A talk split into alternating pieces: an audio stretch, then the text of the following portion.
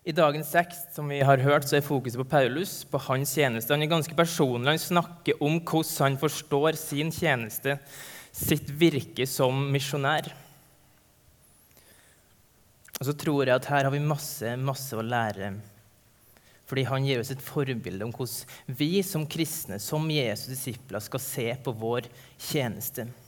Og så tror jeg, og vi skal se det, at regnestykket som vi har snakka om, Jesus pluss ingenting er lik alt, det har noe å si òg med tanke på Paulus' sin tjeneste.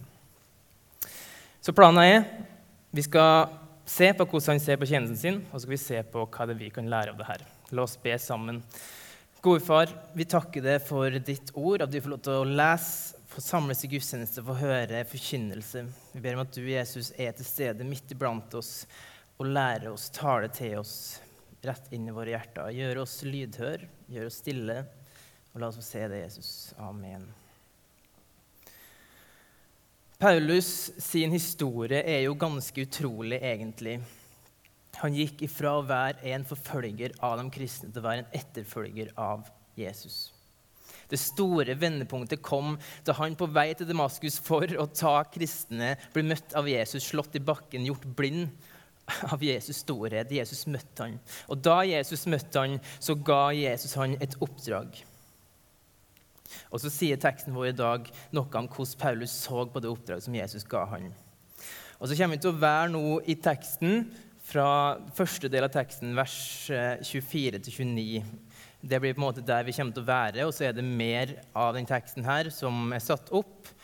Eh, bruk tid, som jeg har nevnt tidligere, til å lese i Kolossbrevet og lese teksten som er satt opp, for her er det så masse gull. Men hva er det vi ser? Hvordan er det Paulus ser på tjenesten sin? Hva slags oppdrag var det? Ut fra verset her så ser vi at én side ved oppdraget var eh, at Paulus skulle være en tjener. I vers 25 står det Jeg er blitt en tjener for Kirken i kraft av den forvalteroppgaven Gud har gitt meg hos dere. Å fullføre tjenesten med Guds ord. Jesus han lærte oss gang på gang at Guds vei, eller Jesu vei, etterfølgelse av han, det er en tjeners vei. I Guds rike så det er tjenersene som løftes høyt. Og Det oppdraget Paulus ble gitt, det var en tjeneroppgave. Og Det forteller ganske masse om Paulus sin selvoppfattelse. Ofte har jeg inntrykk av at Paulus blir framstilt som nokså hovmodig.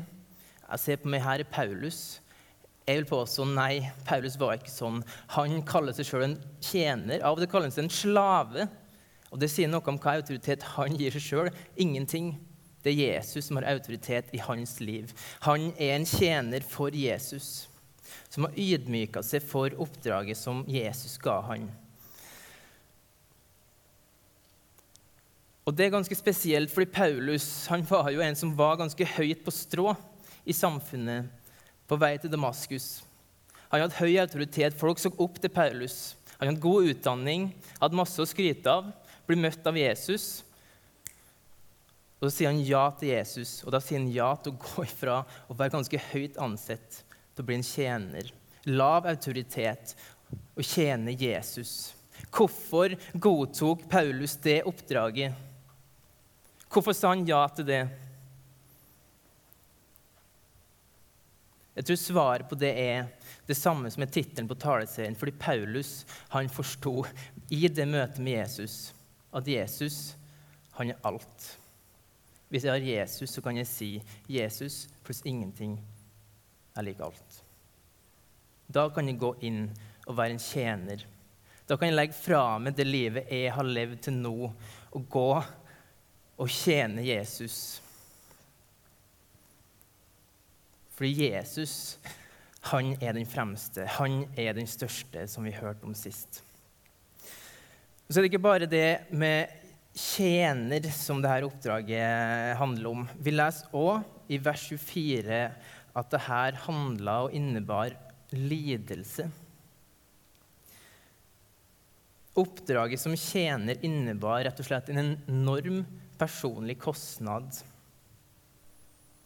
Paulus skriver nå gleder jeg meg over mine lidelser for dere.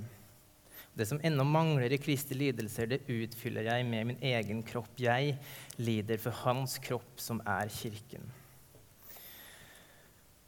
Tenk gjennom Paulus sitt liv. I apostelgjerningene 14 så leser vi om når Paulus er i Lystra. Han blir forsøkt steina. De som steiner dem, tror de har fullført oppdraget. Paulus er død. De drar han utenfor byen, men Paulus var ikke død. Og Vi har faktisk en beskrivelse i andre Korinterbrev, kapittel 11, om hvordan Paulus ser eller snakker om det han har opplevd. Der skriver Paulus Tre ganger har jeg blitt piska én gang steina, tre ganger har jeg lidd skipsbrudd. Jeg dreiv en, et helt døgn rundt på havet. Stadig har jeg måttet reise omkring, i fare på elver og i fare blant røvere. I fare blant landsmenn og i fare blant utlendinger. I fare i byer, i fare i ørken, i fare på havet og i fare blant falske søsken. I slit og strev, ofte i nattevåk, i sult og tørst, ofte fastende og uten klær, i kulda. I all verden, Paulus. Du hadde et liv med høy autoritet. Du, du hadde det fint, og så tok du og takka ja til oppdraget som Jesus ga deg, og det her er livet du fikk. I slit og strev, forfølgelse, all mulig dritt. Og det åpenbare spørsmålet er hvorfor. Hvorfor i alle dager, Paulus? Og så står det noe i teksten vår, vers 24, som gir noe av svaret på det. Jeg gleder meg over mine lidelser jeg gleder meg over mine lidelser for dere. Han er villig til å gå inn i lidelse for dere, noen som han aldri hadde møtt. Han hadde aldri møtt kolossermenigheten. Men han gjør det for dere. Og i de lidelsene for dere så gleder han seg over dem. Og Ved første øyekast så kan det kanskje virke som en alvorlig psykisk lidelse å glede seg over sine lidelser. Og så kan vi spørre hvorfor igjen. Og igjen så tror jeg at svaret er fordi Paulus har skjønt at Jesus pluss ingenting er lik alt. Fordi det er konteksten for den lidelsen som Paulus hadde. Paulus var ikke der at han gleda seg over lidelsen isolert. At han liksom Yes, nå ble jeg piska. Det er fantastisk i seg sjøl. Men han visste at i den piskinga, i den fengslinga, i den sulten, i den tørsten, så får jeg tjene Jesus. Og Jesus, han er den største, han er den fremste, han er den jeg dypest sett trenger. Når jeg har han, har alt. Sjøl om jeg blir fiska, sjøl om jeg blir fengsla.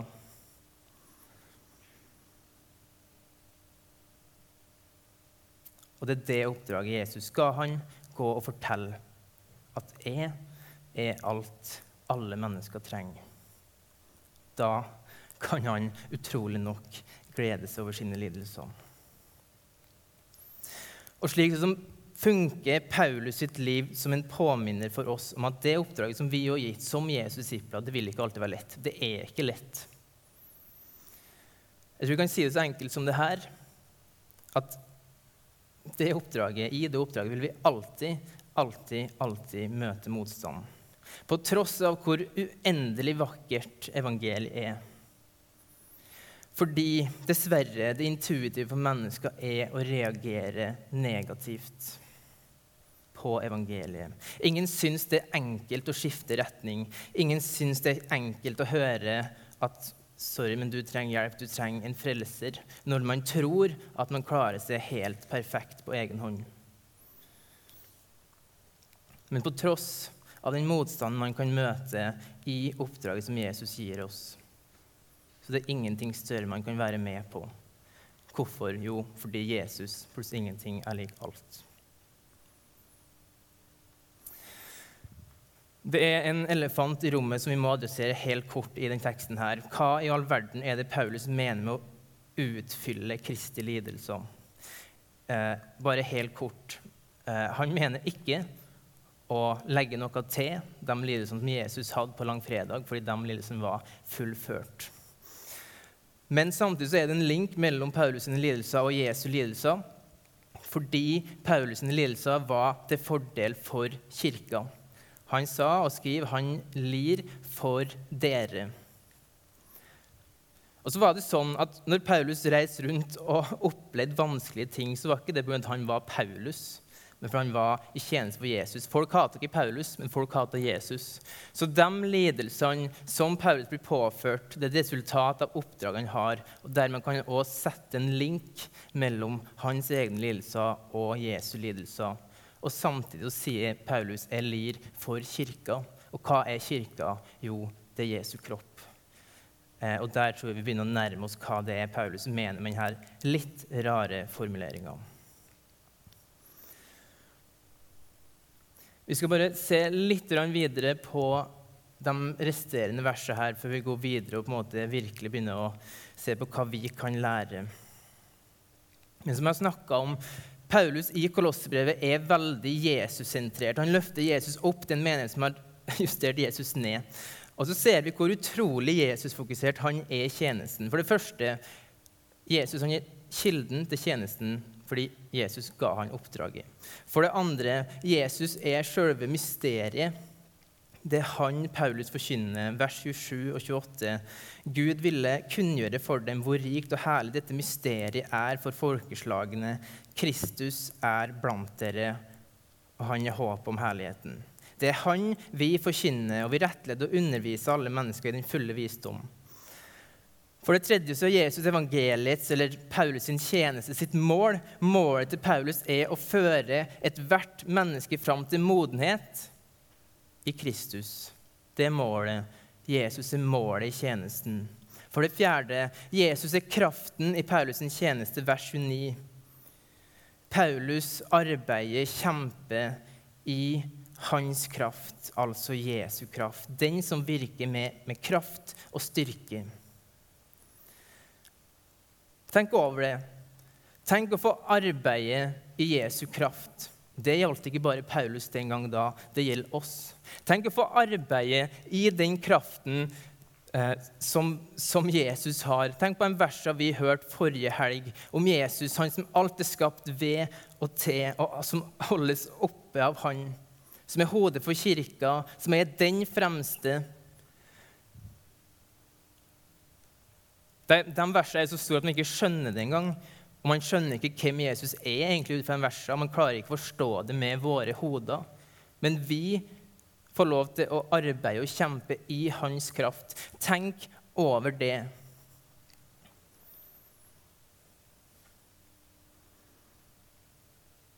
Men klarer vi å ha det fokuset i vår tjeneste? Er det ikke lett å havne der at det er mine egenskaper, min kraft, min effort mine gaver som muliggjør min tjeneste. Det er ingenting i meg som muliggjør å tjene for Gud. Jesus sa, og dere har hørt det mange ganger, men han sa, 'Meg er gitt all makt. Gå derfor ut.' Det er i den makta, i den kraften. Og det å gå ut, det står ikke på oss sånn sett. Det står ikke på hvorvidt vi er gode nok, flinke nok, tror nok, sier et bra nok ja til Gud. Men det handler om Han, om Hans kraft, som vi kan få kjempe i i denne tjenesten. Han som holder oss oppe, utruster oss, gir oss gaver og gir oss et oppdrag til å gå ut må vi aldri, aldri, aldri havne der at i vår tjeneste så gjør vi oss sjøl stor og Jesus liten. Da kan vi drite i det. Vi skal gå i hans kraft, og den krafta, den er nok. Ok, Vi har begynt å hinte litt om det, men hva er det vi kan lære av Paulus på måten han ser på sin tjeneste? Hva er det vi kan, er det vi kan lære? Og Misjonssalen er en del, ett ord i vår visjon er vitne. Vi ønsker å jobbe for og ber for at vi skal være en menighet som er med å utruste hverandre til å vitne, til å gi Jesus videre. Og det håper jeg skjer, fordi det er så utrolig viktig. Men hva kan vi lære? Jeg tror vi kan stille det som et spørsmål basert på Paulus sitt liv. Velger vi komfort? Eller å ta opp vårt kors og følge Jesus? Velger vi komfort eller selvfornektelse? Komfort eller å legge ned vårt liv?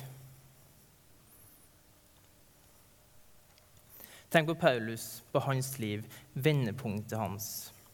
Hva var det han valgte da han begynte å følge Jesus? Det var ikke komfort. Det var ikke et lett liv.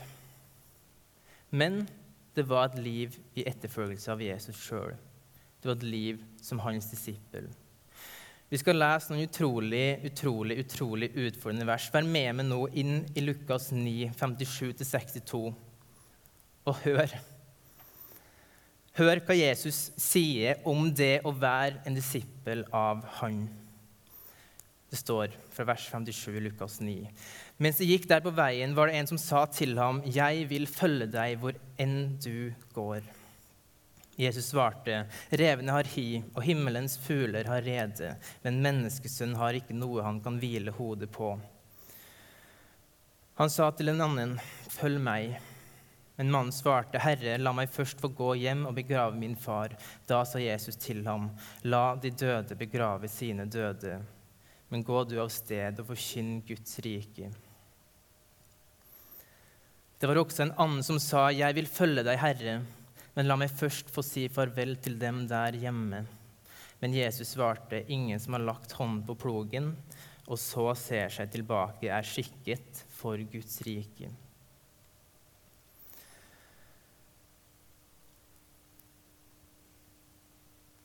Det er en som sier til Jesus, 'Jesus, jeg vil følge deg hvor enn du går.' Jesus sier, 'OK, er du klar over at jeg er hjemløs, jeg har ingenting her i verden?' Når du følger med, så vil det muligens være kostnaden din òg. Du skal følge med hvor enn du går, er hjemløs. Kristendom og et disippelliv, etterfølgelse av Jesus, det er ikke en vei til høyere komfort, høyere status, et lettere liv. Å følge Jesus ikke er en vei for å dyrke seg sjøl, ha framgang for seg sjøl. Det starter når alt kommer til alt, med en selvfornektelse til å legge ned sitt liv.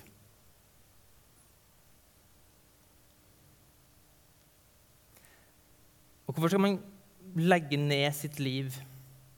Folkens, det gir kun mening hvis man har hørt og forstått, faktisk forstått, faktisk kan tro på at Jesus pluss ingenting er lik alt. Hvis jeg tror at jeg må putte meg sjøl inn i regnestykket, da gjør jeg en fryktelig fryktelig dum vurdering og fornekter meg sjøl, legger ned mitt liv. Men hvis jeg vet hvem Jesus er, at han faktisk, faktisk, faktisk, helt virkelig er alt for meg, da kan jeg gjøre det.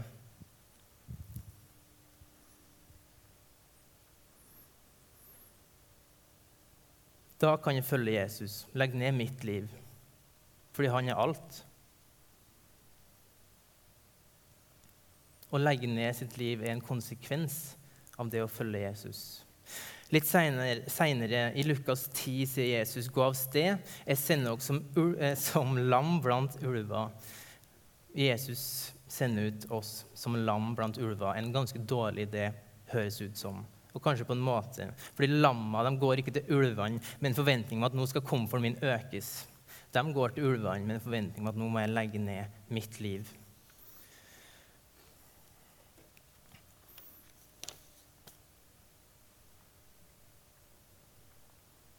Spørsmålet er hva vi velger. Økt komfort? Eller er vi villige til å legge ned våre liv for verdens behov. For å vitne, for å vise hvem Jesus er, for å legge ned sitt liv, våre liv, til de behova, til den nøden som finnes ute i verden. Det var det Paulus gjorde. På vei til Damaskus, en hendelse snudd opp ned på hele livet hans, og han la ned sitt liv for andre. For at andre skal få del i Jesus. I vers 59 og 60 i Lukas 9, vi kan godt få opp igjen, den er der, ja. Um, så sier så er det en som sier at han vil begrave sin far først, før han følger Jesus. Og Jesus er utrolig provoserende her. Det er viktig å begrave sin far. Men så er det da sånn tydeligvis at det er noe som er langt, langt viktigere. Gå du av sted og forkynn Guds rike. Det virker urimelig. Kanskje, kanskje ikke. I dag, mens vi sitter her, så er det i alle fall to til tre milliarder mennesker i verden som aldri har hørt navnet Jesus forkynt. De har ikke kunnskap om Jesus, kanskje aldri hørt om han, aldri hørt evangeliet. Aldri hørt om han er den fremste, han som alle mennesker trenger. Aldri hørt at han er det ene håpet, den ene redninga. To til tre milliarder mennesker. Eller hva med Oslo? Hvor mange her i Oslo har egentlig hørt? Hvor mange har egentlig peiling på det budskapet vi tror på? Har studiekameraten din skjønt hva greia er? Har kollegaene dine det? Har de fått høre? Har de fått en mulighet til å høre nok til å skjønne hva det her går i?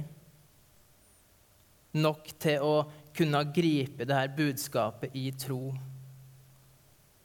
har han fått en mulighet til, at, til å se hvem Jesus er, gjennom oss. Verden er full av behov. Norge er full av behov.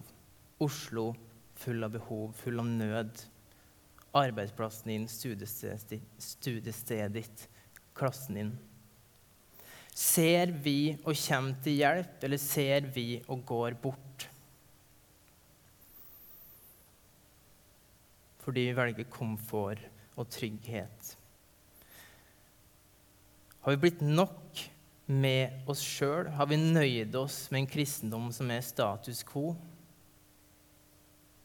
Her er vi uke etter uke, syng og hører om Han som vi sier og tror, bekjenner er alt. Men hva vi handler på det?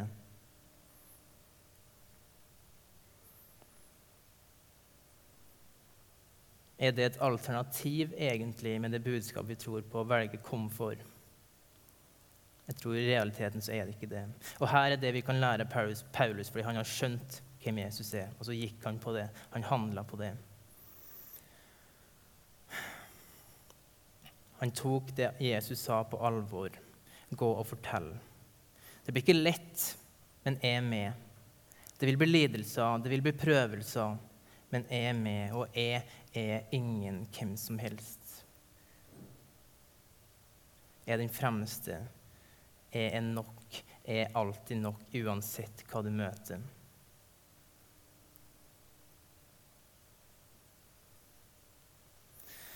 Når vi hører det her, så det lett å tenke at det her er liksom for de kristne som har kommet et stykke lenger, slik som Paulus. da. Jeg er ikke, her, jeg er ikke helt der, liksom. Men det her det er ikke for mer modne kristne. Det er som å komme et stykke. Det her det er basic disippelliv. Det er slik Jesus sier at det å være en disippel av han ser ut. Å være en etterfølger. Greia er det virker farlig, det virker skummelt. Jeg har ikke lyst. Men vi følger etter han som har gjort det her for oss. Han har allerede lagt ned sitt liv. Og så skal vi få lov til å følge etter han og legge ned våre, våre liv for å møte menneskene i nød. I Lukas 14, 33 står det slik er det altså. Ingen av dere kan være min disippel uten å gi avkall på alt han eier. Det er liksom OK, Jesus, Jesus disippel. Gi avkall på det du eier. Følg med. Men vi kan gjøre det. Fordi Jesus pluss ingenting er lik alt. Alt koker ned til det spørsmålet her. Er Jesus nok for meg? Er Jesus nok for det? Matteus 13, 44, vi leser om en mann. Så står det himmelriket lik en skatt som er gjemt i en åker. En mann fant den, dekket den til igjen, og i sin glede gikk han bort og solgte alt han eide, og kjøpte åkeren. Den mannen her finner noe som er verdt å miste alt for. Og så er greia Jesus er det. Jesus er det. Jesus er verdt å legge ned sitt liv for. Fordi Kolossbrevet viser oss at Jesus han er den fremste, og at Jesus pluss ingenting er lik alt.